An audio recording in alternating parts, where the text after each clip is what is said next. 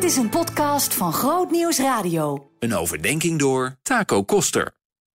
Beste luisteraar, uurtje geleden heb ik verteld dat ik vandaag 30 jaar en één dag dominee ben. En ik kan het niet laten om te mijmeren over de kerk. Ik heb al iets verteld over een verhaal uit Handelingen 16. Een spannend moment in de geschiedenis van de kerk. Een grens wordt gepasseerd. Het evangelie trekt Europa in, Griekenland in. De stad Filippi wordt aangedaan. En ik heb verteld dat Paulus dan niet blijft zitten, maar erop uittrekt om mensen te ontmoeten die nieuwsgierig zijn naar God. Hoe gaat het dan verder in dat verhaal? Nou, best teleurstellend. Het treft een klein groepje vrouwen aan, buiten de stad. Er was blijkbaar geen Joodse synagoge en er waren geen mannen. Alleen een groepje vrouwen. En ja, in die tijd was dat een teleurstellende ervaring. Het algemene beeld was toch wel dat vrouwen tweederangs waren. Maar let op, voor Paulus is dit geen reden om zich om te draaien en weg te gaan. Integendeel, hij en zijn metgezellen nemen de tijd om met deze vrouwen in gesprek te gaan over het evangelie. De macht van het getal is niet bepalend. En het is niet pas de moeite waard als er veel mensen zijn en als er succesvolle mensen zijn.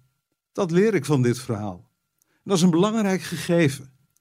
We zijn in de kerk wel eens geneigd om de succesverhalen achterna te lopen. En dan willen we daar zijn waar heel veel mensen zijn. Daar gebeurt het. En dat is best begrijpelijk, maar ook eenzijdig.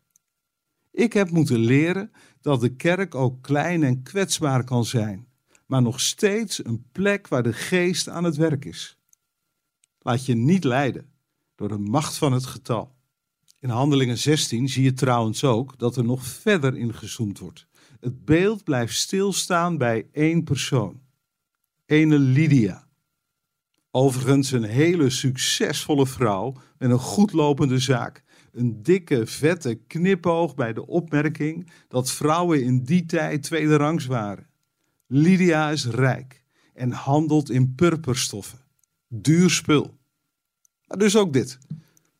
Het evangelie zoomt in op die ene persoon. Want die ene persoon is voor God waardevol. Zijn liefde gaat uit naar die ene persoon.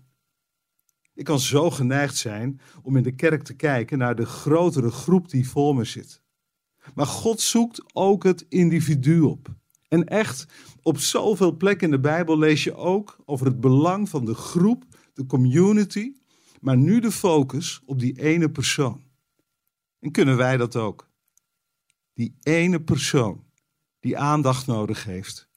Die ene persoon die op zoek is naar God. En dan lees ik dit in het Bijbelverhaal. De Heer opende haar hart voor de woorden van Paulus.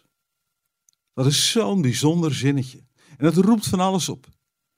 Ik leer ervan dat het delen van het evangelie geen simpel trucje is. Doe dit en mensen gaan gelijk geloven. Het blijft altijd een mysterie, een aanraking van God. En tot mijn frustratie soms heb ik dat niet in control. Het roept zelfs vragen op waar ik geen antwoord op heb. Waarom opent God niet het hart van veel meer mensen? En dan bots ik op een grens. Maar eigenlijk wil ik me vooral laten bemoedigen door dit zinnetje.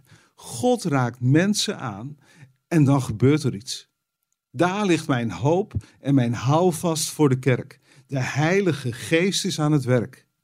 En dan bid ik met steeds meer overtuiging. Open het hart van de mensen die ik ontmoet. Open hun hart voor uw liefde, uw vergeving en uw nabijheid. Daar ligt mijn hoop en verwachting. En een grappig detail.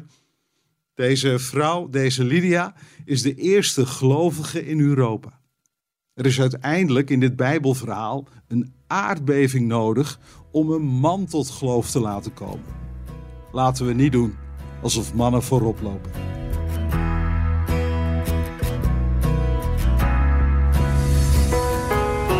Meer verdieping? grootnieuwsradio.nl/podcast